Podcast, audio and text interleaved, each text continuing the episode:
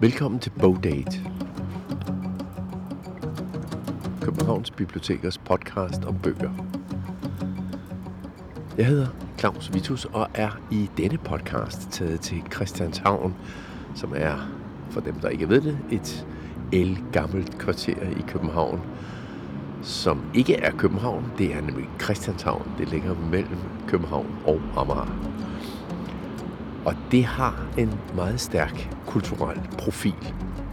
Christianshavn jo bare noget særligt på en eller anden måde. Og det er et smørhul med kanaler og en lidt alternativ livsform, som man bare ikke gider at rejse væk fra igen.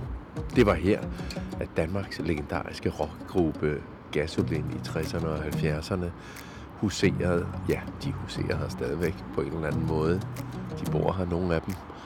Og musikken er her også, og ikke mindst nogle af sangene er genkendelige steder her på Christianshavn. Det var også her, at Danmarks litterære legebarn, Halfdan Rasmussen, har skrevet om Christianshavn ind i sine ja, finurlige orddigte, øh, som man kender. Og alt det vil jeg dykke nærmere ned i i denne podcast. Velkommen. Da jeg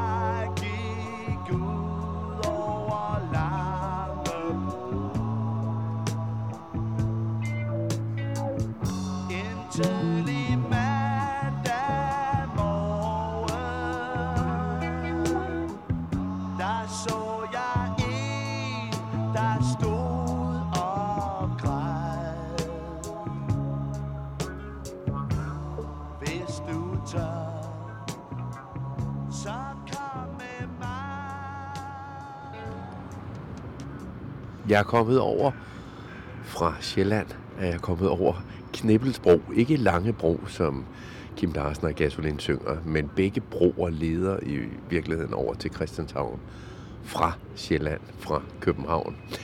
Her på Christianshavns Torv, en kold februar morgen, folk er på vej på arbejde ind i busserne, og jeg sidder lige over for det, som hedder Lavkagehuset, der står meget pænt på bygningen, opført af Københavns Kommune 1930.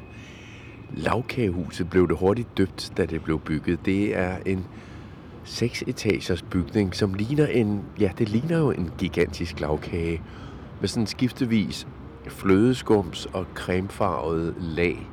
Det er derfor, man kaldte det lavkagehuset. Dengang var beton ikke så almindelig som øh, mursten for eksempel, så de vandrette bånd blev lavet af mursten, nogle af dem, og det er så dem, som er det ene flødeskumslag, det cremefarvede, og selve betonelementerne, det er så det andet lag, det hvide lag. Det er ikke så vidt lige for øjeblikket, det er lidt beskidt, det lavkagehus.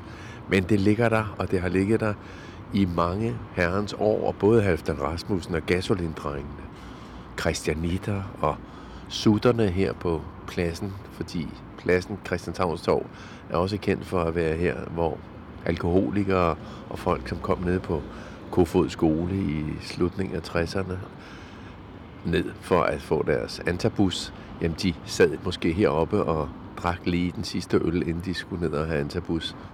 Her fra pladsen har alle sammen set over på lavkagehuset.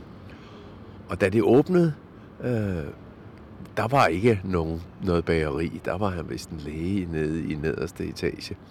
Men i 1991 var det selvfølgelig meget naturligt, at der skulle åbnes et bageri i lavkagehuset. Og det var så Jane og Ole, der åbnede det. Og det ligger der stadigvæk. Jeg har lige været derovre for. Og Jane står rent faktisk stadigvæk derovre. Jeg har lige fået en kop kaffe og en kanelsnegl.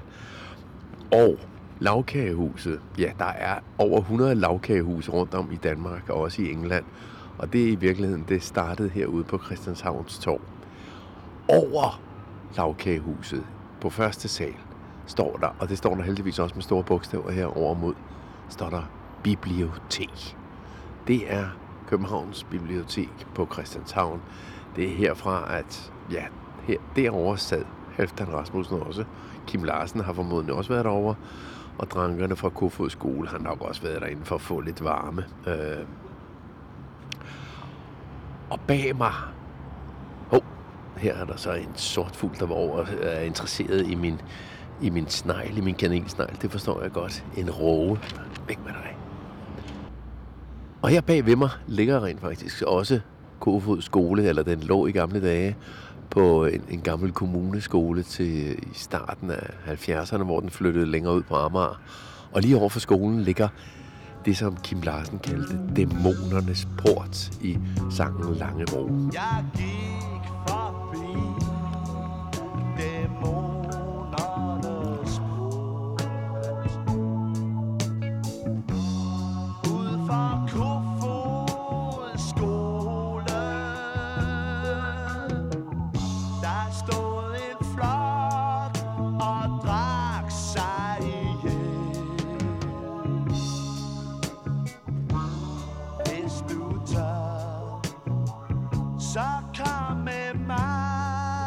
Med musik og reportage herude fra Christianshavn begynder denne podcast altså, og den handler om Christianshavn og om litteratur.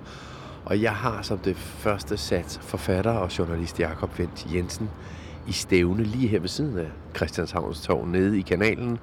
Ikke nede i vandet, men nede i en båd i kanalen. Og det interview skal handle om gasolin og bogen Gudernes Vilje. Jamen nu, nu sidder vi jo så på, på en, en båd, en restaurantbåd i Christianshavns kanal.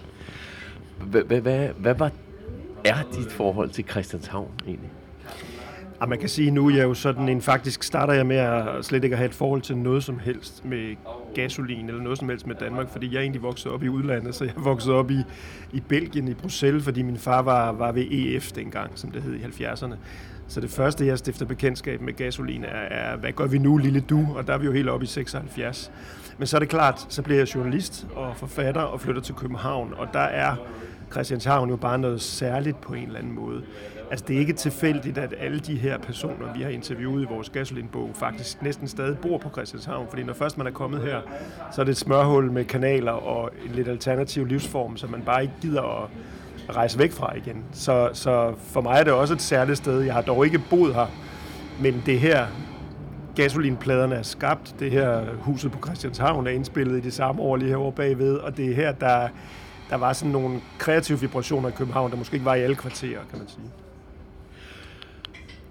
Den her gasolinbog, det er jo sådan set ikke dig, der, der har taget initiativ til den. Øh, så hvordan er du kommet ind i, i, i, en, i gasolinbogen? Jamen, det er en meget sjov historie, og jeg har aldrig oplevet det før. Men, men, men, men i, i journalistik, når vi taler om det, der foregår uden for vores lille sfære, så taler vi om en ganske almindelig mand. og det, det skal ikke lyde nedsættende, men Niels Ole Bådsgaard, som var ham, der kom og spurgte, om jeg ville være med. Han er sådan øh, rekrutteringsmand i erhvervslivet, men han er bare gasolinfan, og han har gået og tænkt lidt over det der med, der er en mislyd omkring arven på gasolin og Kim Larsen. Altså efter Kim Larsen døde, så er det hele gået op i Kim Larsen, og det er jo ikke fordi, han er jo en fantastisk kunstner i egen ret, men der har været en tendens til, at folk er begyndt at gå og forveksle, hvad der var gasolin og hvad der var Kim Larsen. Så han vil gerne refokusere ind på gasolin og så beskrive dynamikken i det band ud fra den forudsætning. Der er fire forskellige mennesker i det band, og de har alle sammen været med til at skabe det. Og da han, øh, da han ringede til mig og spurgte, om jeg ville være med, han, han, han, er ikke, han kan ikke skrive, eller hvad man skal sige, det var ikke hans gebet. Så han savnede en, der kunne skrive til at være med. Så viste det sig, at vi havde egentlig samme interesse i gasolin, og så kunne jeg så skrive. Han kunne gå den første øh, runde og få ja fra de her mennesker, og så kunne vi begge to være med til at lave interviews. Så det blev sådan et, et lidt pudsigt samarbejde, som egentlig øh, gik op i en højere enhed, fordi han havde den spidse vinkel, og jeg havde så min journalistiske metode, jeg kunne føre ind i det. Men, men hvordan valgte du den der journalistiske metode? Fordi det er jo, ja. der er jo skrevet mange bøger, både om gasolin og Kim Larsen, og også skrevet af, af mange øh, musikjournalister. Og der er jo både Peter Bundgaard og Erik Jensen osv., har beskæftiget sig med, med gasolin og Kim Larsen henholdsvis. Ja, men det er nemlig rigtigt, og man kan sige, at nøglen til det her, tror jeg, først fra Niels øh, Oles side var, at vi vil have det fra hestens egen mund. Det skal være folk selv, der taler. Og da han sagde det, så sagde jeg, ja, det, det, det skal vi, fordi så kan de netop me- få lov til at mene forskellige ting. De kan være uenige om ting. Øh, hvad hedder han, Frans Beckerli kan være uenig med Kim Larsen, kan være uenig med Willy Jønsson, kan være uenig med Søren Berlev og så videre derudaf. Og det, det tror jeg var en vigtig forudsætning for dem i forhold til at sige ja. For det første skal man huske på, at øh, de har været medlemmer af Gasolin, eller ikke medlemmer af Gasolin i 50 år, eller noget af den stil. Så de bliver spurgt om noget hver eneste uge, hver 14. dag, hver måned, alle mulige ting, og de siger per refleks nej. Så det krævede for det første fra Nils Oles side mange besøg hos de her mennesker, før de sagde ja, og før de forstod, at vi havde kan man sige, et ærligt formål med det, at de selv kunne få lov at fortælle historien, fordi man skal også lige huske, at de er jo midt i 70'erne til sidst i 70'erne, så hvis de skulle være med til det, så var det sidste udkald på en eller anden måde her. Så den faldt de lidt for i forhold til at sige ja, øh, men også at de kunne have lov at være uenige. Så kunne, han, så kunne Frans Becker i livet sidde og sige noget i sit hjørne, og det ville ikke nødvendigvis blive visket ud af os. Så stod der bare noget mod det fra nogle andre ved siden af, og det, det, der er de stolte nok til at sige, det vil de gerne være med til. Men lige præcis sådan, som, som du skitserer, det er jo sådan også, bogen er bygget op. Det vil sige, at øh, du hører lidt den ene sige noget, og så hører du den anden sige noget, og så hører du den tredje sige noget, og det vil sige, at der er nogle fælles emner omkring det. Øh, Hvornår faldt, faldt det på plads, at man på den måde, sådan, at det skulle være, her har, vælger vi et emne, og så tager vi alles holdning til det, hvad enten det er, det er jo ikke kun gasolinfolkene, det er jo alle omkring, øh, ja. både, både det tekniske personale, producerne og de praktiske. Ja, der er en 40 personer ud over gasolinmedlemmerne selv. Jeg tror, jeg, jeg har skævet lidt til... Jeg læser... Altså, jeg er meget interesseret i kultur, både film, men også musik. Jeg har tidligere skrevet om film rigtig meget, men ikke så meget musik, men det har jeg dyrket derhjemme, og der er jo læst en masse af de her store engelske og amerikanske bøger om musikbranchen. Og der findes en, en der bliver lavet en fremragende Beatles Anthology-bog, dengang de udgav sådan de sidste nye numre, de havde fundet på bunden af, af, af arkivet, og der, der, der, der kunne alle tale, at der talte John, Paul, uh, Ringo og så videre, øh, George i munden på hinanden, og de kunne endda få, få, få John, John Lennon med, selvom han var død, fordi så tog de gamle interviews. Så på den måde, det var en meget, det, det, det, det er en meget retfærdig måde at gøre det på i sådan et farvand, hvor der er store egoer, der ikke vil tilsidesættes. Og så tænker jeg, nå jamen, der er noget i det der. Og så kan du sige, hvis du sætter dig for eksempel fra starten og siger, at vi har 25 kapitler her, eller hvor meget det nu blev til, 27 tror jeg i vores tilfælde, så på den måde, så kan du egentlig, øhm, det lyder lidt rodet, men når du først sætter det sammen, og de taler ind i samme emne, så taler de sådan lidt i munden på hinanden, eller som om de sidder rundt omkring et, et, et spisebord, så kan du godt få det til at, at, at blive en fortælling og til at passe sammen. Jeg har været overrasket over, hvor meget folk bagefter har sagt, jamen det er skide godt udvalgt, og det er godt skruet sammen og sådan noget. Det, det, det er ikke fordi, jeg skal fratage os noget, nogen arbejdsindsats på nogen måde, fordi selvfølgelig skal man jo vælge ud og sætte sammen rigtigt, men det gik forbløffende let, det format. Det, det er relativt let at lave, og det er også ret fedt at læse. Fordi så kan du jo netop bare springe lidt over en gang imellem, hvis, der, hvis du kommer ud af en bivej eller et eller andet, du ikke gider at høre. Bogen Gasolin Gudernes Vilje er skrevet af forfatter og journalist Jakob Vendt Jensen, som jeg altså har interviewet. Han har skrevet den sammen med initiativtageren Niels Ole Bådsgaard, og bogen er bygget op kronologisk med årstal, men dels også med kapitler, som for eksempel Den tørstige poet, som handler om Mogens Mogensen, ham som hjalp med at skrive mange af Gasolins vigtigste tekster, eller kapitlet Saftige Christianshavn, som både handler om sutterne fra den kirkelige socialhjælp Kofod Skole, men også om de gamle Christianshavnere, som med en bajer i hånden sad og så på de unge, der i løbet af 60'erne og 70'erne flyttede ind i de gamle slumboliger på Christianshavn. En af dem, som både omtales i bogen, og som der også er billede af i bogen, er Bessefar, som også har fået sig en gasolinsang. Jeg ser ham tit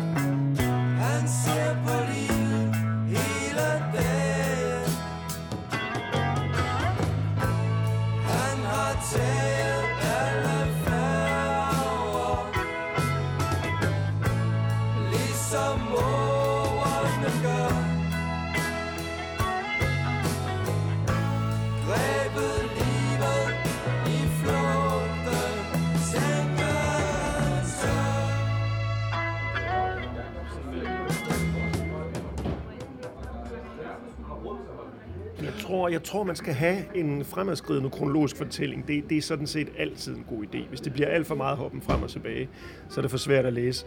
Men lad os så sige, at vi har 27 kapitler, så er de 17-18 af dem er nok i kronologisk rækkefølge. Men så cirka hver tredje kapitel, der hopper vi ud af kronologien. Så går vi lige ud til højre og siger, Mogens Mogensen, han har, han har skrevet to tredjedel, eller været med til at skrive to tredjedel af deres tekster. Hvad er han for en? Så får han lige et kapitel for sig, og så hopper du ind i kronologien igen, hopper et par kapitler videre, og så kommer Roy Thomas Baker, produceren. Så hopper du ud og får en grundig omgang med ham. Og, og for dem, der ikke lige helt er med, ja. Roy Thomas Baker er Queen-produceren, en engelsk øh, lettere, lidt arrogant øh, overklasse englænder, men som kommer med, med sin, sin storladende lyd, den man måske kender fra Freddie Mercury og Queen senere, men han, det, han bliver i virkeligheden kaldt ind som den, den der giver øh, Gasolin et stort boost øh, til deres lyd. Jamen, han kommer ind med sådan nogle øh, plateaustøvler og glam rock hår der i 73 og producerer 3'eren og 4'eren, og så også tager hoppet med op til 5'eren med de store hits, og hoppet op til 6'eren med den vanvittige produktion efter endnu en dag. Så han er med i deres udvikling, og er virkelig også den, der driver det til dels. Det har mig og mine forfattermarker diskuteret, diskuteret meget, hvor meget betyder produktionen egentlig. Men det betyder i hvert fald, at de bliver skubbet undervejs, og at musikken er til at høre i dag. Øh, det er klart, det er de fire medlemmer, der er de vigtigste, men der er mange, der har gjort øh, sådan, vil man sige, der er mange, man har kunne kalde den femte gas gennem tiden. Mogens Mogensen kunne være en, Roy Thomas Baker kunne være en anden, deres lydmand Tommy Rocco Box kunne være en, en, en tredje. Altså, selvfølgelig er der nogle mennesker, der sådan har hjulpet dem på visse stræk, men det er klart, at de fire er jo, er jo de vigtigste. Hvor vigtigt øh, har det været for dig, at, at, at du ikke nødvendigvis var fan, fordi det, det er jo, øh, det er jo initiativtageren øh, her på Skov, der, der er fan, altså med det store F, øh, Jamen, det... men hvor du mere er måske analytikeren, eller ham, ja. der ser lidt ud fra, fra Belgien. Ja, ja, ja, præcis. Vi havde... Øh, det er klart, at øh, han havde den spidsvinklede øh, vinkel på dynamikken og de fire medlemmer. Men så det, jeg bidrog med, tror jeg bare at sige, jamen det, det, det er fedt, at vi har de fire, der sidder og snakker i midten. Men hvis vi også spørger jeg tror, jeg fra starten sagde 20 andre mennesker. Det er så med at blive 40, fordi når først man kommer i gang, så finder man flere og flere. Så kommer der noget ekstra farve på øh, historien, noget ekstra tekstur, nogle ekstra detaljer. Og så jeg synes bare også bare, det var pisse ærgerligt, at deres roadie, uh, Torben Hvide uh, Eriksen for eksempel, deres, uh, ham Tommy Rocco, deres lydmand Flemming Rasmussen osv., producer, altså at alle de her mennesker, jeg har aldrig set så mange interviews med dem egentlig sådan, så jeg tænkte, er det ikke nu, vi også lige spørger dem? Og så endte det selvfølgelig i sådan et Sisyphos-arbejde, hvor man så interviewede 40, fordi så skulle vi også, ah, så der er lige et par, der er lige en road manager for USA, vi lige skal have med, og der er lige den og den og den og den.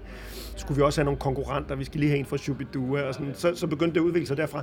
Men den der brede øh, fortælling, den øh, tror jeg nok, jeg var med til at trække ned over det, og det, det, det tager jo ikke noget fra, fra dybden i den anden fortælling, Nils Ole ville fortælle, så det var ligesom de to metoder, der smeltede sig sammen. Se din by op fra tårnets top Tag for eksempel ud til Frelsekirken, og så snart derop.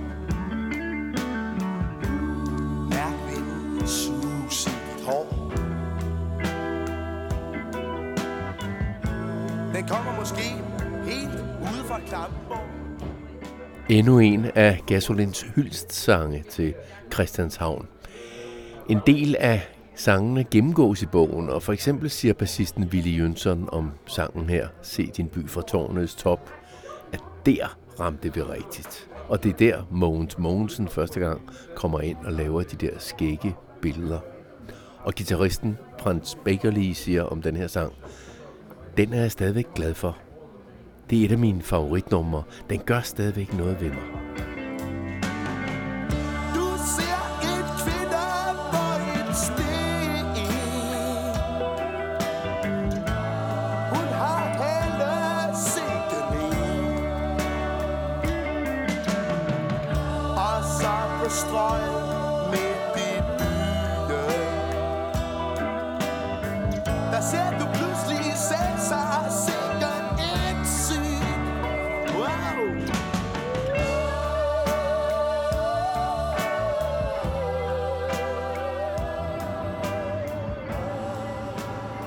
Tilbage på Christianshavns Torv, hvor denne her podcast Bowdate startede, og hvor jeg fortalte om Christianshavn og hvem der var kommet her igennem tiderne. Nu har vi været forbi Gasolin og Gasolin-drengene og alle de andre. Nu skal vi sådan set videre til Halfdan Rasmussen, som også boede her, og som havde sin gang ikke bare på Christianshavns Torv, men på Christianshavn og han boede ikke så langt herfra på Burmeistergade blandt andet. Og der gennemførte han en af sine øh, sjove, øh, som han i hvert fald senere har beskrevet, og lidt problematiske tricks øh, og øh, drengestreger, nemlig at kaste sig ud fra første sal. Det er bare en af de mange historier, der er om Halfdan Rasmussen, og som man også kan høre på nogle af de byvandringer, der, der laves herude. i Halvdan Rasmussens barnefodspor. Det er Liselotte Frederiksen, der laver dem. Hun har skrevet en bog, Gå en klassiker hedder den. Altså Gå en klassiker, ikke kun Halvdan, men også mange andre i København. Og her er der også en lille podcast med i bogen, som kan lånes. Både bogen og podcasten. Og her skal du høre en lille bid fra den. Men nu kommer det spændende. Vi skal ind i Halvdan Rasmussens gård. Og øh, det kan være svært at komme ind, men jeg forestiller mig, at vi går ned af Burmeistergade, helt ned i bunden, og så drejer vi en lille smule til højre, og der er en indgang til gårdhaven. Og det er en fantastisk gårdhave. Den er aflåst, men der kommer jo øh, postbud, der kommer jo reklameuddelere, og samtidig kommer der også nogle behjertede mennesker, som siger, vi ikke ind og kigge. De bliver samtidig meget overrasket over, at Halfdan Rasmussen er vokset op der. Han øh, har leget i gården, og et af de bedste digte fra den samling hedder Og det var da du drømte, du kunne flyve. Det er digt, som skildrer, at de andre børn får ham til at springe ud med en paraply fra første sal, og han springer. Og øh, han, det gør selvfølgelig ondt, når han rammer jorden. Og øh, som han selv skriver i digtet, det eneste, der kom ud af det, det var, at han fik en, undskyld mit franske, en røv som asfalteret gåse ud. Men han fik lidt mere ud af det. Han blev en helt i gården. Gården er i dag smuk. Der er legeplads, der er bænke, der er både, man kan sidde i, og øh, det er meget fint indrettet. Dengang har der jo været lokummer i gården, og der er også revet meget ned. Der er fundet en fantastisk saneringssted. Men det er Haftans verden. En lille bid fra Liselotte Frederiksens Gå, en klassiker med Halfdan Rasmussen, her i podcastformat, men den findes også i bogformat. Og man kan låne både podcast og bog på Københavns Bibliotek. I øvrigt kan man også være med på selve turen, som gennemføres en gang imellem. For eksempel i slutningen af marts i forbindelse med Christianshavns Bogfestival, som Københavns Biblioteker gennemfører. Det er søndag den 27. marts tager Lise Lotte Frederiksen også på en tur igennem Halvstans Christianshavn. Så skal man bare møde op, ja, her hvor jeg sidder lige nu, nemlig Christianshavns Torv ved et-tiden. Hvis man nu først hører den her podcast lang tid efter, ja, så kan man gå ind og finde podcasten, altså podcasten med Gå en klassiker eller bogen. Bare skriv Gå en klassiker. Vi skal videre til en lidt mørkere og tragisk historie, men inden det, så lad os da lige høre en lille musikalsk bid af Halvdan Rasmussens søn Tom Nahl Rasmussen, som skrev denne her beretning til en sang også i 70'erne. Den beretning, som du lige hørte en lille bid af fra Liselotte Frederiksen. Og det var da du drømte om at flyve Og stod på første sal med paraply I året 1927 Da verden næsten var så god som ny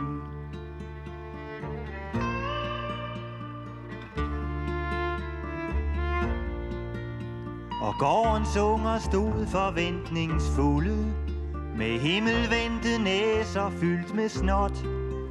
Og råbte spring og mente at du skulle Tag røven med, hvis det skulle gå dig godt.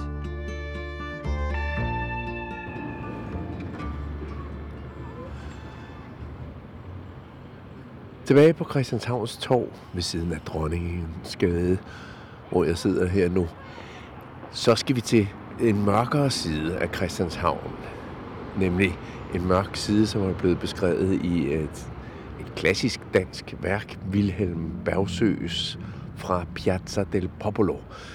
Det er et værk, hvor en række danskere sidder nede i Rom på Piazza del Popolo og er blevet ja, i virkeligheden øh, indelukket i, på grund af røverbander og alle mulige andre ting. Så de sidder og fortæller hinanden historier dernede.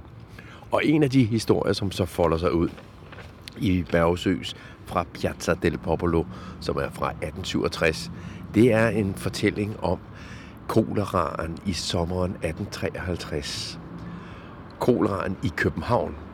Der var i 1853 et voldsomt udbrud af kolera i København. Og den her beretning i bogen følger så lægen Åby, som er midt i denne her ægle sygdom og død, og han forsøger at finde en ung kvinde i håbet om at redde hende. Og han ved, at hun er herude et eller andet sted på Christianshavn. Så han leder efter hende og kommer frem til en af de fattigdomsbarakker, som ligger, eller lå, de ligger heldigvis ikke mere, som lå lige nede bagved, øh, hvor jeg nu sidder. Den hed Tordenskyen, den her fattigdomsbarak. Og lad mig lige læse en, en lille bid op øh, af Wilhelm Bergsøs fra Piazza del Popolo, beretningen om koleraepidemien i København 1853.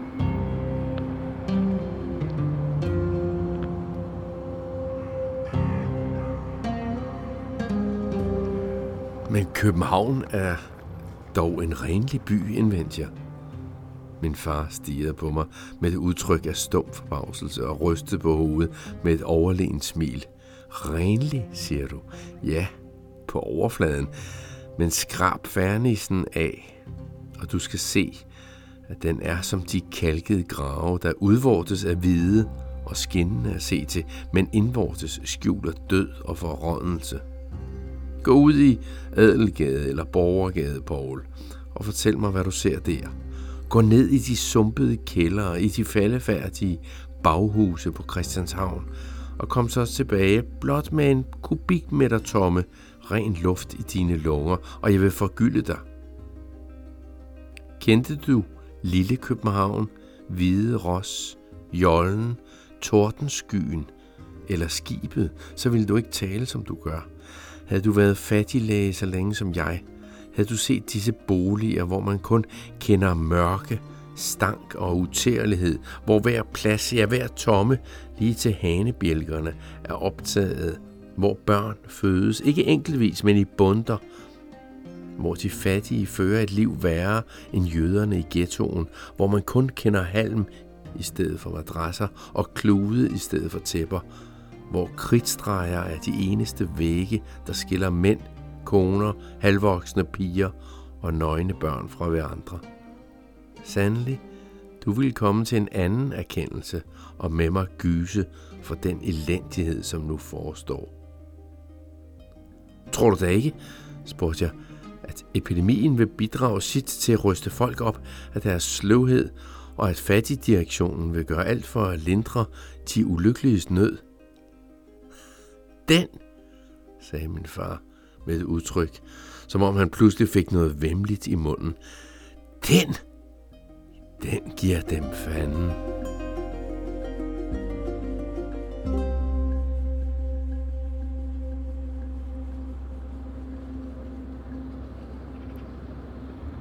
Et uddrag fra Wilhelm Bergsøs roman fra Piazza del Popolo, altså om koleraepidemien, ikke mindst i, på Christianshavn, der i 1853.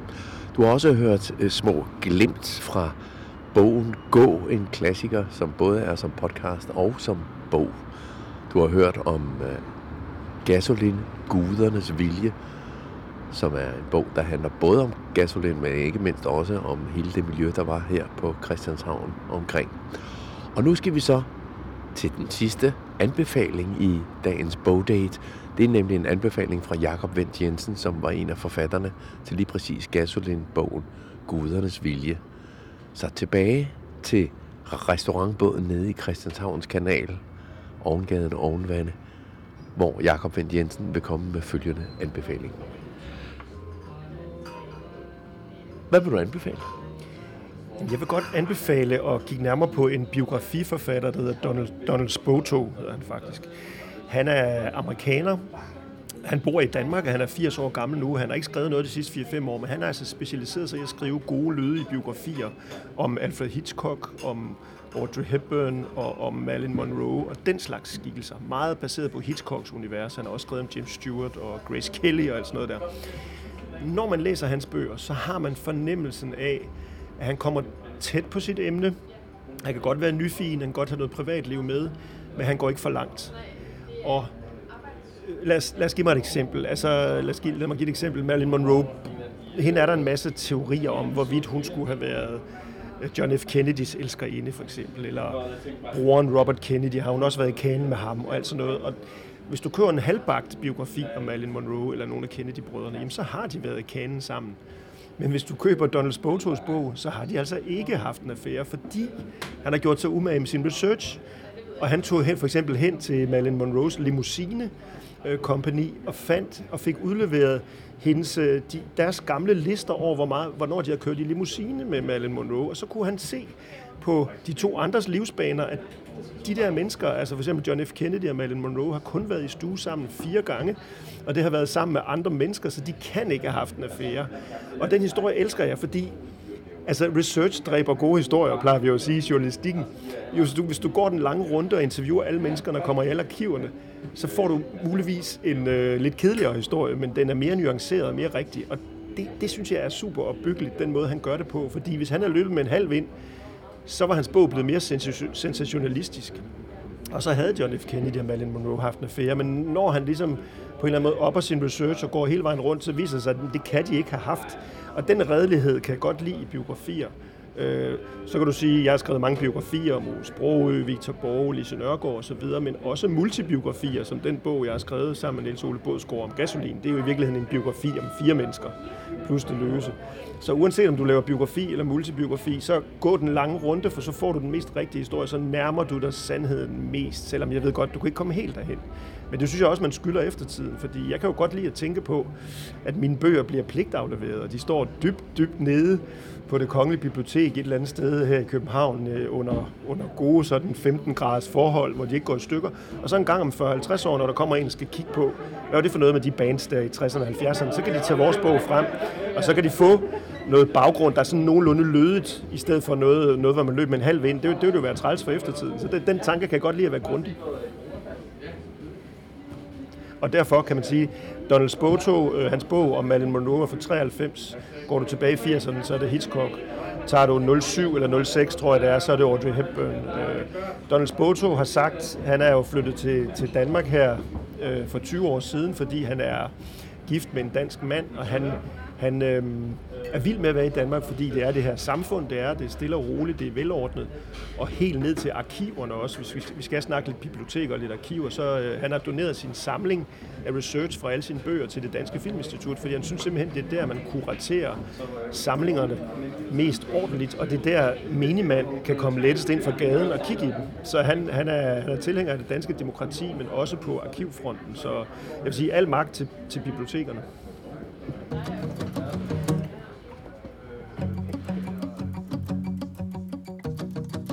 Du har lyttet til podcasten Bogdate fra Københavns Biblioteker med interview med Jakob Vendt Jensen. Det var ham, som lige sluttede her med kampråbet Al magt til bibliotekerne. Jeg hedder Claus Vitus, og der blev omtalt fire bøger. Biografien om Gasolin og Christianshavn med undertitlen Gudernes Vilje. Bogen Gå, en klassiker af Lise Lotte Frederiksen, som også har en podcast-serie med i udgivelsen, og hun går også en klassikertur i Halvdan Rasmussens fodspor i forbindelse med Christianshavns Bogfestival i slutningen af marts. Og jeg læste op af klassikeren fra Piazza del Popolo af Wilhelm Bergsø fra 1867. Og til sidst blev så den dansk-amerikanske forfatter Donald Spotos biografier om Marilyn Monroe og Grace Kelly og flere, anbefalet af Jakob Vendt. Du kan finde bøgerne på Københavns Bibliotekers hjemmeside under fanebladet Lyd, og jeg håber, du kan bruge nogle af anbefalingerne. Der var både lidt gammelt og lidt nyt, og noget blåt og noget lånt. Ligesom traditionen siger, at der skal være på en bryllupskjole, og det er jo ligesom passende for en bogdate. Musikken, du hørte, var i korte bider gasolinsangene Lange Bro, Bessefar og Se din by fra tårnets top og Tom Nahl Rasmussens Det var da du drømte om at flyve. Og en videre var det Traveler af Christoffer Mo Ditlevsen og her i baggrunden Sign af Loving Caliber. På genhør i næste bogdate i serien. eller du kan også lytte til en af de gamle i arkivet.